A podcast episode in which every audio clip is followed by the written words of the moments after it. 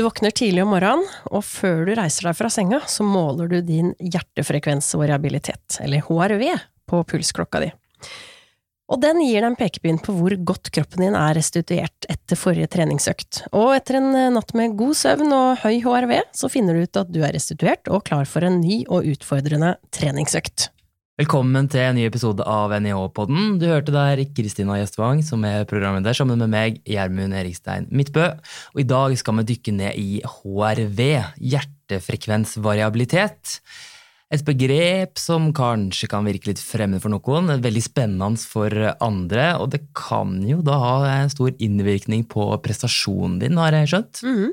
Ja, for HRV gir jo et slags innblikk i kroppens energinivå eller stressnivå ved å analysere hjertefrekvensen og da tiden mellom hvert hjerteslag kontinuerlig. Hva slags forhold har du til det, Gjermund? Måler du HRV? Jeg har jo en Garmin-klokke her som er, får jo et eh, mål på body battery hver dag, da. Men jeg, jeg, har veldig mange kompiser som er ekstremt opptatt av det her og snakker om det hele tida. Jeg er ikke noe så veldig sånn teknologioppdatert og veldig opptatt av det. Jeg vil bare komme meg ut på trening og er ikke veldig på å analysere data etterpå.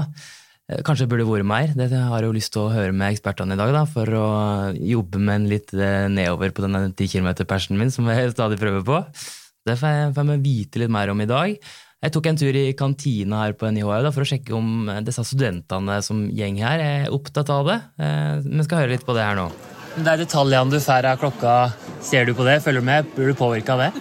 Ja, i noen grad. Jeg bruker mest til å sammenligne. Sånn hvis jeg har hatt en eh, fem ganger seks minutter intervall, og så kjører jeg samme intervallene en måned seinere, så kan jeg da se ja, om jeg har lavere puls, høyere puls, og så sammenligne det med det jeg har skrevet om økta, da, hvordan jeg følte meg. Det er litt sånn der jeg bruker det mest. Ja. Åssen forhold har du til smartklokke og body battery og disse tallene du får fra klokka? Eh, nei, jeg ser på klokka når jeg står opp, men eh, jeg prøver å følge mer på kroppen enn eh, på hva som står på body battery. Eh, med tanke på at eh, jeg kan føle meg bra. Så med en gang jeg ser på klokka at jeg har lavt body battery, så kan det på en måte påvirke meg mer psykisk enn det det kunne ha gjort hvis jeg ikke hadde sett på klokka. Åssen forhold har du til HRV og body battery? Jeg ser du har ei pulsklokke på armen der. Nei, jeg brukte det en periode eh, for å tracke litt søvn og tracke restitusjon. Men eh, jeg måtte faktisk ta litt avstand fra det etter hvert, for jeg følte det tok litt, eh, tok litt overhånd. Jeg ble litt sånn Følte jeg kunne stemple dagen litt, på en måte at jeg eh, Ja, hvis jeg våkner opp med et dårlig body battery eller en dårlig HRV, så bestemte det på en måte dagen min, da. Så da ble du påvirka, både ja. trening og ellers? Ja, eller mer mentalt. Men eh, det var jo spennende. Men ikke sånn Siden jeg ikke satser på noe idrett, så var det ikke så Ja, det påvirka mer negativt, da, syns jeg, til slutt. Det er jo ganske interessant. da. Hun følte at det her påvirka bare negativt. og som Hun var inne på, hun var jo ikke noe toppidrettsutøver, så det kan jo kanskje diskutere litt senere i dag. Om dette her er for mosjonister, eller hvem det her er for, egentlig. Er det, er nok for deg, Kristina, å måle HRV? Jeg vet at jeg ikke kan måle subjektivt eh, HRV, eller altså tiden imellom hvert slag, men jeg stole, prøver å tenke at jeg kan stole på min egen kropp, altså at eh, den gir beskjed hvis jeg er good to go eller ikke. Godt poeng. Um, nå skal vi i hvert fall ønske velkommen til dagens to gjester. Jeg tror jeg og Kristina kan lære ganske mye av uh, dagens tema. Det håper jeg med dere som hører på, kan òg. Velkommen til deg, Thomas Losnegard, professor ved Institutt for fysisk prestasjonsevne her på NIH, og leder av utholdenhetsavdelinga på Olympiatoppen. Mange takk. Og velkommen til Fredrik Menzoni, som er fagkonsulent ved Olympiatoppen, med blant annet ansvar for å videreutvikle fagområdet teknologi og utstyr, og har en doktorgrad og er ingeniør. Eh, og doktorgraden har du fra NTNU. Takk for det. Kan vi ikke bare starte helt eh, med liksom, begrepet HRV, eller hjertefrekvensvariabilitet. Eh, hva er det, og hvorfor bør vi være oppmerksomme på det? ja, HRV, det, du sa jo det egentlig litt i innledningen. det er variasjonen i tid mellom eh, hvert hjerteslag. Eh, noen sier jo også pulsvariasjon, eh, men hvis du hadde spurt meg etter en treningsøkt hvordan var pulsvariasjonen din, så ville jeg tenkt ah, nei, ja, jeg varierte pulsen for jeg kjørte noen intervaller, eller sånt, men her snakker vi om hvordan de påfølgende hjerteslagene varierer, selv om snittpulsen din er den samme. da. Sånn at hvis du sitter i ro og har f.eks. 60 slag per minutt, så er det ikke sånn at eh, hjertet ditt slår som en klokke. Den, den vil hele tiden variere lite grann. Avhengig av eh, en rekke faktorer, men blant annet det at du puster inn og ut. Eh, når du puster inn friskt oksygen, så slår hjertet litt fortere, og så når du puster ut, så slapper hjertet litt mer av. Så det er hele tiden litt variabilitet da, i hvordan hjertefrekvensen er. Og det er det vi kaller for HRV. Så det er på en måte et mål på eh, endring eh, fra eh, hjerteslag til hjerteslag. Hvorfor bør vi være oppmerksomme på det? Jeg vet jo, Én ting er prestasjon, men det er jo også litt overfor helse. Altså, vi hører mye om lav og høy HRV, og hva er gunstig for helsa? Etter hvert skal vi inn på prestasjon. Ja, altså HRV, Det som er litt uh, spennende med HRV, da, er at det, det, er veldig nært knyttet til uh, balansen i vårt autonome nervesystem. Så hvordan balansen er mellom det sympatiske og det parasympatiske eh, delen av nervesystemet vårt. Så gjennom HRV så kan vi på en måte lese ut hvor stresset vi er, eller hvor godt vi slapper av. Eh, sånn, på en måte, hvis man måler det i hvile, så er det litt sånn paralleller til hvilepuls, da. Om den er lav eller høy. Eh, men HRV kan gi oss litt mer informasjon, for den er litt mer sensitiv. Så den kan variere mer, og det ser jo ser jo vi i ulike studier hvor man har sammenlignet HRV og, eh, og bare hvilepuls, at HRV eh, er typisk mer sensitiv til ulike eh, belastninger eller stress som kroppen er blitt utsatt for. Så det er jo det å få et mål på hvor stressa en er i løpet av en dag, eller om ikke belastning en har Jeg vil jo tro at det er mange mosjonister og folk som er i full jobb, da, og i tillegg skal trene ganske mye.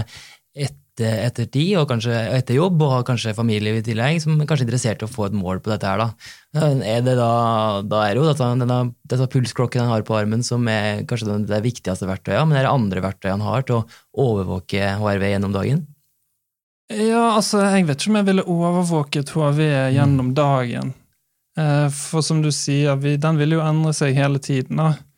Så jeg tenker at hvis du skal på en måte overvåke eller holde øye med HRV, så ville jeg heller satt av et par minutter om morgenen, eller gjort det gjennom natten, da. Og så gjort det på samme måte hver dag.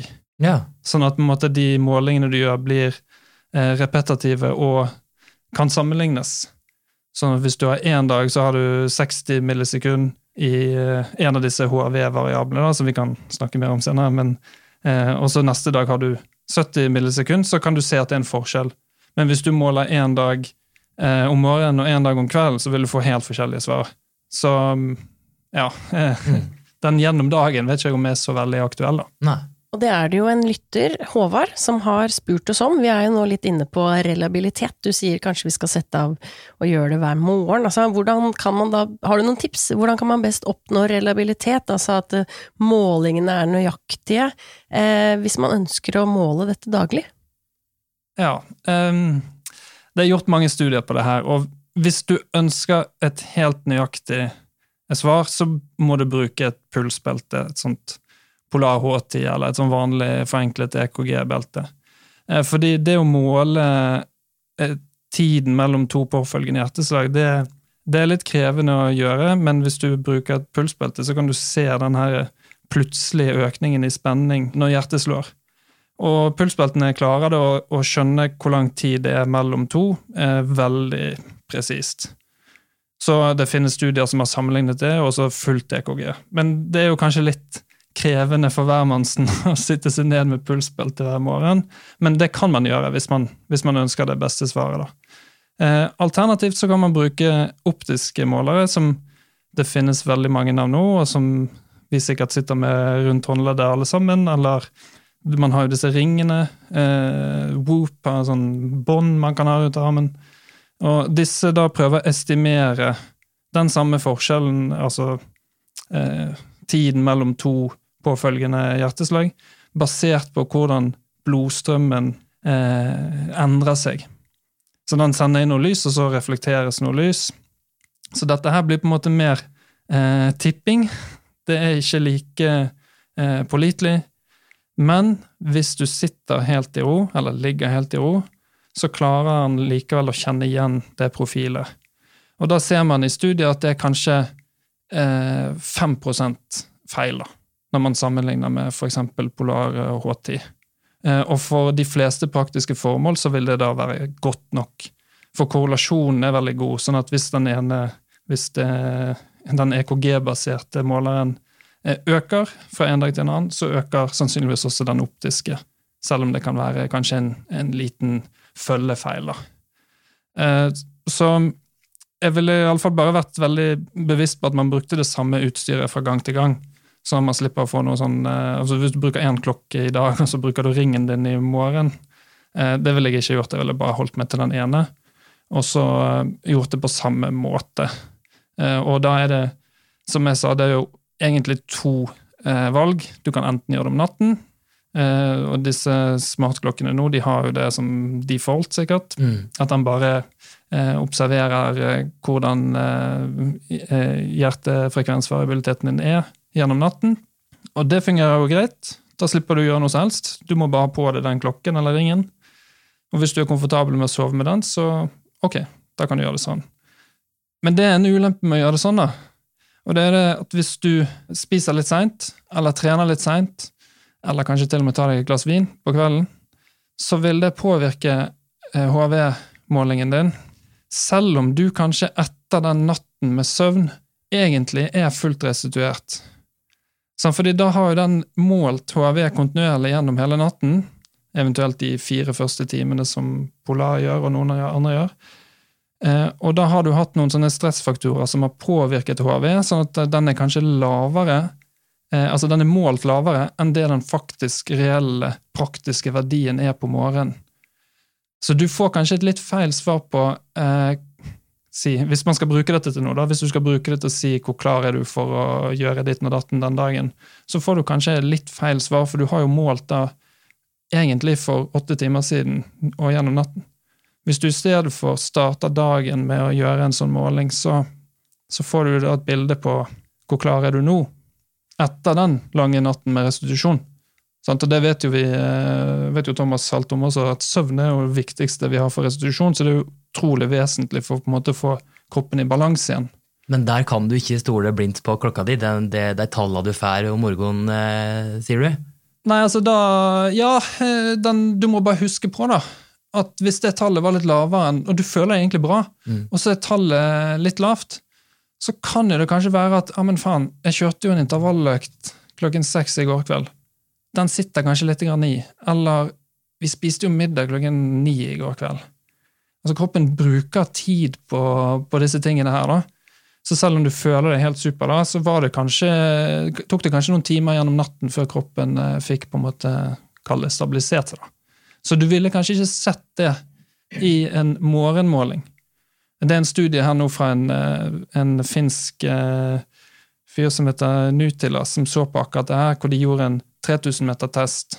Og den så de på den nattlige HRV-målingen, men de så det ikke på morgenmålingen av HRV. Så altså det er litt sånn eh, Ja, det kan være noen stressfaktorer som da vil slå ut eh, gjennom natten, men som ikke slår ut på morgenen. Men Fredrik, hvilke andre faktorer er det som påvirker HRV? Påvirker det at jeg hadde ei beinhard intervalløkt i går, eller hvis jeg hadde hatt en rolig langtur, hvilket utslag gir det? Uh, ja, trening, det viser studier, trening påvirker litt. Men kanskje ikke så mye som man skulle tro. Og spesielt hvis du er vant til å trene mye, da. Uh, man ser det at typisk så rolig trening uh, gjør ikke noe særlig. Hvis du er vant til å trene rolig 90 minutter på sykkel, f.eks. Men eh, på høy intensitet så kan man få utslag. Og det gir kanskje mening også, for man kjenner jo subjektivt at ja, man trenger mer restitusjon etter en høyintensiv økt. da. Så ja, det kan slå ut litt eh, med trening. Og så selvfølgelig det, mm, ja, det, det, som kanskje er fascinerende, er at det, det, er veldig mange andre faktorer som slår ut ganske mye mer enn trening. da. Ja. For eksempel, eh, ja, jeg nevnte jo litt, men alkohol er det som slår ut mest. Eh, for kvinner hvor du er i menstruasjonssyklus, kan påvirke. Eh, sykdom, altså hvis du har noe som brygger i kroppen, det kan slå ut veldig mye. Så ja, det er en del andre ting. Sånn som jeg sa, så spiser du seint hvis kroppen har jobbet med det gjennom natten. Så det å finne ut om man er brygger på noe og justere trening etter det, kan være noe fornuftig å bruke arv til? Um, ja, i en ideell verden så ville du kanskje da skjønne litt før at å faen, jeg holder på å bli syk, og kan ta tiltak. Kanskje en dag eller to før du kjenner det sjøl, da. Men så er det også tusen andre ting som kan gjøre at den HV-verdien er litt off, eller er litt lavere enn det den pleier å være. Så det er liksom litt vanskelig å vite da, når du ennå ikke har kjent sykdommen. Men jeg, jeg, har sett en del eksempler på f.eks. på covid, eh, hvordan folk har da sett det på HRV-verdiene sine et par dager før de har kjent det sjøl. Det kan jo være sånn at du på en måte får en høy HRV uten at det er noe også. Altså, eller du får en lav HRV og en høy, høy hvilepuls. Eh, og som jeg sa i stad, at det er jo én dag er ingenting, og to dager er ingenting. Eh, men det er jo igjen å bruke det sammen med en del andre informasjonsfaktorer da, som du får inn. At du, du har unormal hjertefrekvens, du, du, føler deg litt dårlig, du kjenner at det grubler litt i halsen. altså, ja, Flere faktorer som spiller inn. Da, da kan du bruke det som et sånn tilleggsverktøy. tenker jeg fornuftig. Det er det som gjør det litt vanskelig, fordi du kan kanskje ikke trekke de store konklusjonene kun basert på det tallet. Du må se det i sammenheng med resten. da. Jeg husker så godt at uh, forfatter uh, ja, og hypokonderleder Ingvar Wilhelmsen sa jo en gang at hvis du er sjuk, så kommer du til å merke det. Uansett. Uh, så det er jo noe å lytte til seg sjøl òg, men vi har nevnt noen tall her, og ja 20, 60, 80 millisekund. Så kan, kan jeg og Gjermund begynne å måle en periode og sammenligne hverandres tall, eller hvordan er det? nei, det går ikke. Altså, vi, det er veldig store forskjeller på på ulike individ. Eh, generelt, hvis man ser liksom hele befolkningen under ett, så vil det nok eh, være sånn at god helse er assosiert med, med høyere HRV-verdier. da. Akkurat som også med lavere hvilepuls generelt, at man god helse, godt trent osv. Men selv for eh, toppidrettsutøvere i utholdenhetsidretter, så er det noen som har eh, baseline på rundt 50 millisekunder i RMS eh, SD, og så er det noen som har rundt 100. Så det, det, er veldig store forskjeller. Du kan ikke sammenligne på tvers av individ. Så det er hele tiden den sammenligningen mot deg sjøl, da. Thomas er litt interessert i du som jobber så mye med, med topputøvere her, og jobber i, i Olympiatoppen. Er dette her noe eh, topputøverne vi har her i Norge, bruker aktivt? Mitt inntrykk er at det brukes veldig varierende grad, egentlig. Du har enkelte miljøer som bruker det til en del. Du har noen som bruker det uten at de egentlig veit hva de holdt på skal se etter, og så er det noen som ikke bruker det i det hele tatt. Og så er også min inntrykk at en del av disse topputøverne bruker det kanskje i en del av treninga når det ikke er så viktig, men ja. så blir man mye mer restriktiv til å bruke det f.eks. under konkurranser. Fordi at det har også en psykologisk effekt. ikke sant? Altså, ok, den hvilepulsen er litt rann, høy, eh, HRV-en lav. Eh, det gir jo på en måte noen sånne mentale kanskje, utfordringer for en del utøvere når de, når de skal konkurrere. Ja, og du kan tenke deg I en konkurranse også, så er det ofte sånn at du sover litt dårlig dagene før, du er litt spent, og så mm. får du enda et liksom, bekreftelse på det fra klokka. Så jeg veit om en del utøvere som bevisst ikke bruker det når ting blir viktig. Um, så, så det, det, brukes i litt ulik, uh, ulik grad, uh, føler jeg, da. Mm. Så tenker jeg jo at nå har vi liksom snakka litt sånn teknisk og Men Thomas, jeg tenker jo at eh, altså, hvordan kan vi egentlig bruke det her, og da overfor også utøver? Altså, hvordan kan man bruke det for å prestere bedre? Men også hvordan påvirker HRV prestasjon? Jeg tenker sånn, Hvis vi først tar trening, da, at du er ute og trener, du er ute og trener en intervalløkt eller hva det måtte være, så er det jo sjelden at du på en måte bruker ett verktøy aleine til å vurdere f.eks. intensitet. Da. En god utøver vil gjerne bruke flere ting. Den vil se litt på puls, den vil se litt på farten, den vil se kanskje litt hvordan føler jeg meg, hvordan er beina, hvordan er pusten. Og så setter du sammen det puslespillet til å på en måte si noe om den opplevde følelsen du hadde for den dagen. Og litt på samme måte så tenker jeg liksom HR og HRV også kan brukes. altså Det kan brukes bra hvis det er en liten del av et puslespill. Eh, du har på en måte noe målbart, men så må du være forsiktig med å ikke overtolke de dataene. Og for eksempel det med hvor godt humør du er, det er ofte en vel så bra indikasjon på kall det stress og hvordan du har det som et eller annet tallverdi. Mm. Hvordan føler du at du har sovet? Hvordan gikk denne økta? Ok, du har en standardøkt. Du veit at ok, du bruker så og så lang tid på den distansen, pulsen bruker å være sånn og sånn. Det er viktig å liksom sette dette inn i en sånn helhet, og ikke la klokka på en måte overstyre treninga. For det er jo litt sånn som Farris-reklame nå, at vi er jo liksom verdens fineste maskineri.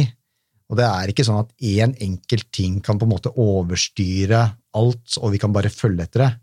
Dette er liksom veldig viktig å få frem. Mm, og det lurte jo faktisk både lytteren Andreas og Petter på. Det er det vi liksom er litt inne på her nå, altså hvordan kan vi bruke dette både i planlegging av økter?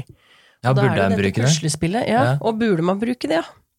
Ja, nei, igjen litt det der store puslespillet, og som Fredrik snakka om også, at hvis man gjør dette eh, på samme måte over lang tid, så opparbeider man så en form for en slags database om hvordan kroppen vanligvis er, ikke sant? Men hvis man begynner å føle at å, nå er det litt tungt, og så begynner man å måle HR og HRV, så gir jo det egentlig ikke så veldig mye. Det gir ikke noe særlig på kort sikt. Men det kan være en nyttig del i det puslespillet over lang sikt. For eksempel, du har hatt korona i en måned, da er det naturlig at HR altså hvilehjertefrekvensen vil gå opp, og HRV kanskje vil gå ned, og så ser du i etterkant at ok, her var det noe som var litt unormalt, så er du tilbake igjen på normalen, og så kan du på en måte følge litt med på det parameteret, at se at ja, her er det litt unormalt. Og så tenker jeg også at det er viktig at én dårlig natt eller to dårlige netter, det har ingenting å si. Det er viktig å liksom se litt sånn langsiktig her. Du ser tilbake på treningshistorikken din, du ser at ok, jeg trente litt mye da, jeg følte meg litt sliten, jeg var, hadde litt dårlig matlyst, jeg var litt dårlig humør, HR var litt høy, HRV var litt lav. Ok, her begynner jeg på en måte å se et visst mønster. Hva var det jeg gjorde for noe da? Ok, kanskje jeg kan ta noen forhåndsregler neste gang. Så, så med sunn fornuft så mener jeg at dette kan være nyttige verktøy, men det er veldig lett for at det kan bli overstyrende for verdens fineste maskineri. Ja, det var jo lytterspørsmålet. hun i kantina er jo litt inne på, da, så blei ble påvirka mentalt av det tallet. Og jeg hører er jo folk som, som ser tallet på body battery, da, som vel er Garmin sitt mål, og oi, nei, i dag kan jeg ikke trene og droppe økta, eller forandre på økta. Det var vel òg et lytterspørsmål her. eh, Ja, også i stor grad Nei, hvordan kan man inkludere HRV-målinger og body battery i da planlegging av økta, spurte Petter om. Men da er du litt skeptisk til å, til å bruke for mye tid på, på akkurat det målet før du skal ut på trening? Ja, det er ofte vanskelig å vurdere hvor bra du er før du faktisk har begynt å trene. Ja. Altså, det er mange ganger du kan ha liksom sove helt elendig, og du føler liksom på oppvarmingen at dette her kommer jo aldri til å gå bra. Og så er du ute og trener, og så sier du ok, dette løsna veldig greit. Så det er veldig vanskelig dette å liksom skulle sette noe sånn derre svart-hvitt når skal du trene, ikke skal du trene, basert på ett enkelt mål, da. Når vi veit hvor komplisert menneskekroppen faktisk er. Og da kommer vi kanskje litt inn på egentlig altså body battery, som er Garmin sitt begrep, eller mange andre verktøy og klokker som har et eller annet tall som skal vise deg litt hvordan energinivået er i kroppen. Og det spør jo da forskningsgruppa Response om. Altså hva er da Garmin sitt body battery eller et eller annet tall som skal vise energinivået? Er det en forenkling av HRV? Altså hva er det et godt mål for? Kan vi bruke det til noe? altså, eh, hva som er inni body battery til Garmin, det er det bare Garmin som vet. Eh, eller jeg har iallfall ikke lest på nett eh, den algoritmen. Og de, og de ulike, ulike leverandørene har jo sine ulike begreper og sånt. eh, Readiness score. Du har jo også sånn søvnscore. sant? Um, men det vi vet, er at de kan jo måle um, pulsen din kontinuerlig. Uh, de måler bevegelse, sant? fordi uh, det er jo akselometer i klokken. Så den eh, eh, skjønner jo på en måte ganske mye om hva du har gjort. da. Eh, og den skjønner nok eh, til stor grad når du har hvilt, når du har sovet. Du har jo logget treningsøkter, hvor mange skritt har du gått. Den kan på en måte se en god del sånne ting. Eh, men jeg er veldig enig med det Thomas sier òg, at eh, vi klarer jo veldig mye av det her sjøl òg, på en måte. Og jeg ville jo stolt mer på det enn på en sensor du har rundt håndleddet. Eh, Så på en måte disse her det, det er komplisert. Og så er det sånn som det intervjuobjektet ditt sa også, det er veldig interessant eh, tilbakemelding som jeg tenker at sånn opplever jeg at mange utøvere har det òg. Vi har en del utøvere som syns dette her er dritkult og er teknologisk interessert. og på en måte, De sover godt uansett. Og så har vi noen utøvere som bekymrer seg over 10 000 ting hele tiden. Og de trenger ikke enda én ting til å bekymre seg over. De våkner, og så er HV-måleren lavere enn den pleier å være. Oi, shit, herregud, holder på å bli syk. Nå går alt til helvete. Søvn, kanskje man har sånn søvnscore også. Sant? Altså, kanskje den har slått ut feil. Det står at du har bare sovet eh, 25 minutter dyp søvn i natt. Hvordan i helvete kan han vite det? Eh, det? Det er ikke mulig med den teknologien der å få nøyaktig måling på, på f.eks. søvnfaser. da. Nei, så den scoren du får, at du har hatt eh, to timer rem-søvn og én time dyp søvn, det kan du ikke stole på tatt, Nei, mener du? nei, nei, nei. nei, det kan du bare glemme. Altså, da, da må du måle hjerneaktivitet. da. Så disse klokkene Du kan ha to, to klokker på det, da, så kan du se om de måler det samme. Det tviler jeg på at de gjør. Og, og sant, og, Det finnes andre typer mål søvn på. Kanskje de klarer å estimere sånn cirka hvor mye total tid har du sovet. Fordi da ligger du ganske sånn i ro, og hjertet slår på en bestemt måte. og sånn. Men det å få ut nøyaktig når hadde du rem-søvn, når hadde du dypsøvn, når hadde du lettsøvn Nei, det tror jeg ikke på. Det har jeg til gode å se i alle fall gode valideringer på. da. Og det har jeg skjønt i din pappaperm at du har skjønt, et konkret Ja, altså, eksempel på. Jeg, jeg, ja, eh, Nå har livet mitt forandret seg litt. Da Før så sov jeg eh, stort sett åtte-ni timer hver natt og la meg samtidig og sto opp samtidig. Og Da var det veldig greit. Det sto det samme. Så hadde på Garmin sin score sånn mellom 90 og 100 hver dag. Og så eh, får jeg en sønn, og livet snur opp ned. Og jeg må opp med han om natten og sånn. Og så kan jeg se det at f.eks. for eksempel jeg var oppe fra tre til fire i natt. Da Eh, så da tror algoritmen til Garmin når jeg ser etterpå at han tror at jeg sov. Sant? altså, jeg vet jo sjøl at ja, men jeg var jo oppe da. Han ser at jeg, ok, jeg bevegde meg fra soverommet ut i stuen. Det har han fått med seg, så han var, jeg tror jeg var våken i ti minutter. Og så tror han at jeg sov på sofaen, men det gjorde jeg ikke. og så tror han at jeg var våken igjen litt da jeg eh, gikk inn i et soverommet. Så det, er på en måte, det sier jo bare litt at du, du klarer ikke å fange disse tingene her. så den type målinger ville jeg vært veldig forsiktig med å eh, tenke for mye på. Og eh, altså, man skiller gjerne mellom de tingene vi kan måle, eller iallfall kan estimere ganske godt, da, sånn som f.eks. HRV. Det, det, er ganske greit å, å, kunne måle hvor lang tid er det mellom to påfølgende hjerteslag. Men det å skulle derimot si eh, hva er ditt body battery dagen etterpå, eh, dagen etter du har sovet, altså er du, og har du 90 søvnskala 100 altså det er liksom, eh, Du kan jo aldri validere det. Eh, og eh, en natt hvor jeg har vært oppe med guttungen og føler meg helt ræva dagen etterpå, så er jeg 95 i søvnskår, fordi at jeg totalt sett lå ganske mye i sengen. da. Mm. Eh, det henger jo ikke på greip, sant? Så må man være forsiktig. Og det tenker jeg også spesielt hvis du er en type utøver eller en type person som lett lar deg prege av denne type målinger, da, så, så må man huske på at man, egentlig så kan man kjenne veldig mye av det her sjøl. Mm. Så litt forskjellige råd til forskjellige personlighetstyper og type utøvere, da, skjønner jeg. Så tenker jeg også at for mange så er tall et veldig sterkt på en måte feedback. Altså Vi ser det ofte i andre sammenhenger også. altså Vi kan snakke om laktat, for eksempel. Liksom, så lenge folk får et tall på det, så tror de at det er på en måte det riktige. Men, men det er ikke nødvendigvis uh, sånn det er. da. Og det er litt sånn som vi snakka på tidligere at hvis man kan bruke dette her som et verktøy måte for å kalibrere sin egen følelse, altså da snakker jeg om hvilehjertefrekvens, HRV f.eks., så syns jeg at det er nyttig. Eh, men det er den følelsen som er Den mener jeg er liksom det som trumfer det meste. Men så trenger vi ofte litt sånn eh, Både effekten av treninger og hva du gjør på trening, og hvordan du har opplevd det der, og litt tall på det. Det kan jo hjelpe deg til å forstå hvordan du, hvordan det fungerer, og at du blir kanskje litt påpasselig med en del ting.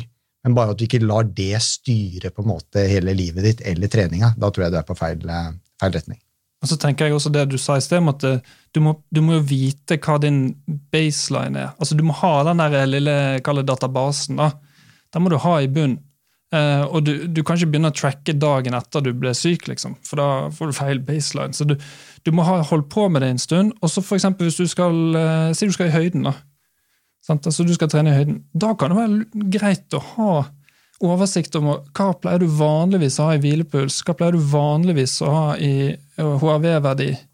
Hvis du har det på en måte et år i forveien, står du oppe i høyden, så kan det kanskje gi deg en, en, en liten ekstrainformasjon om hvordan det går der oppe. Hvordan påvirker det ekstra stresset av høyden deg, f.eks.